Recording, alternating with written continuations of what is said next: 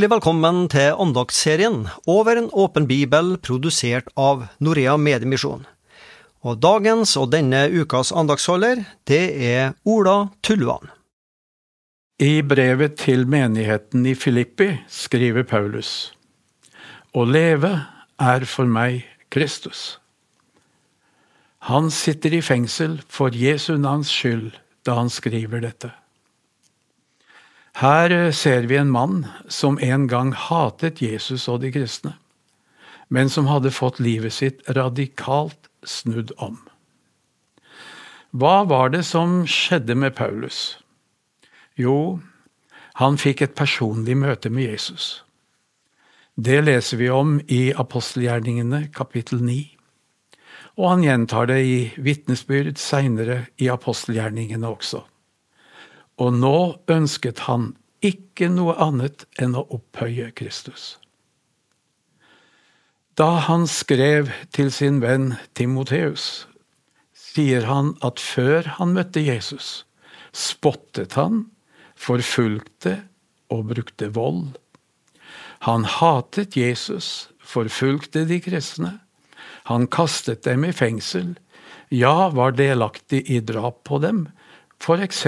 da Stefanus ble steinet, som vi leser om i apostelgjerningene kapittel 7. Men så skjedde det nesten utrolige, som han eh, selv sier.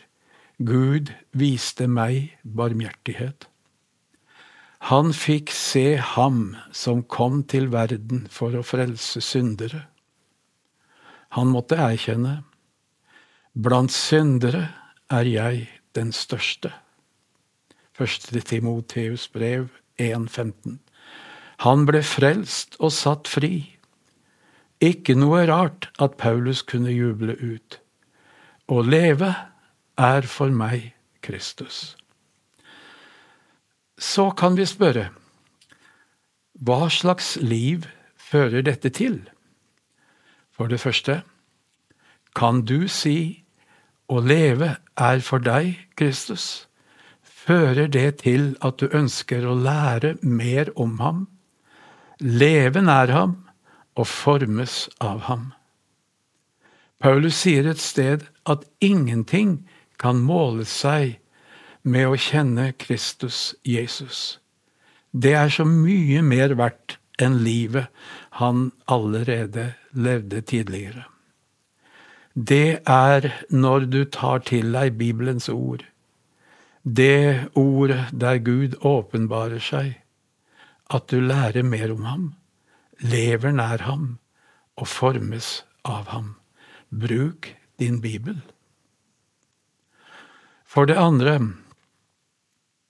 er å leve for deg Kristus.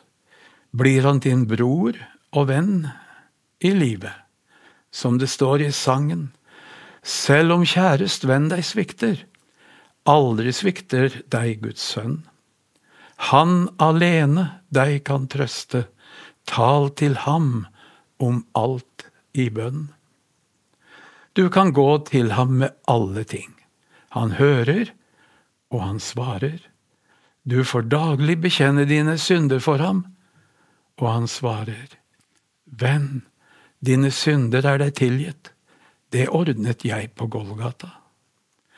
Du får gå til ham med dine bekymringer, og han svarer, Venn, vet du ikke at din himmelske Far har omsorg for deg? Bibelen sier at han er jo ikke langt borte fra en eneste av oss. Han kan fylle deg med sin kjærlighet og fred. Han ønsker å bo ved troen i hjertet ditt. Ikke bare stikke innom nå og da. Nei, han ønsker å bo hos deg. Du kan hente styrke hos ham. Har du tungt å bære og strever med mange ting, er følelseslivet ditt i ulage, kom til meg, sier han, og jeg vil gi deg hvile. Han vil være din sang og din glede. Du kan få lovprise ham, tilbe ham og takke ham. Jo da, det er sant. hvilken venn vi har i Jesus. Det er godt å leve i samfunn med Jesus. For det tredje er å leve for deg, Kristus. Vil du se på verden rundt deg med nye øyne? De du møter på bussen, på arbeidsplassen, på studiestedet, familie og venner, blir noe mer enn bare forskjellige individ som vi har et mer eller mindre nært forhold til. De blir evighetsvandrere, på vei til himmelen eller fortapelse. Den må være aldeles blind som ikke ser at Jesu hjerte brenner for de som ikke har hørt evangeliet, og han brenner for at de skal få høre det. Ingen kristen kan stille seg likegyldig til det. Det er her Jesus taler om å gå ut, like til jordens ende.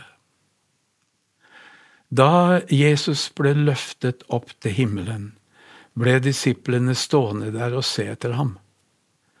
Da viste to menn i hvite klær seg for dem. De sa, Hvorfor står dere her og ser mot himmelen? Nå skal dere ikke stå her og glo oppover. Se ned der folket bor. Der skal dere være hans vitner til den dagen han kommer igjen. I dag sier han det samme til oss. La oss be. Kjære Jesus, hjelp oss å leve nær deg og formes av deg. Bruk oss som dine vitner, der det behager deg. Amen. Du har nettopp hørt en andakt i serien Over en åpen bibel, og det var Ola Tulluan som var dagens andaktsholder. Denne serien den produseres av Norea Mediemisjon, og du må gjerne følge oss på Facebook og på Instagram der vil du flere ganger i uka få oppdatert informasjon om det misjonsarbeidet vi driver på med.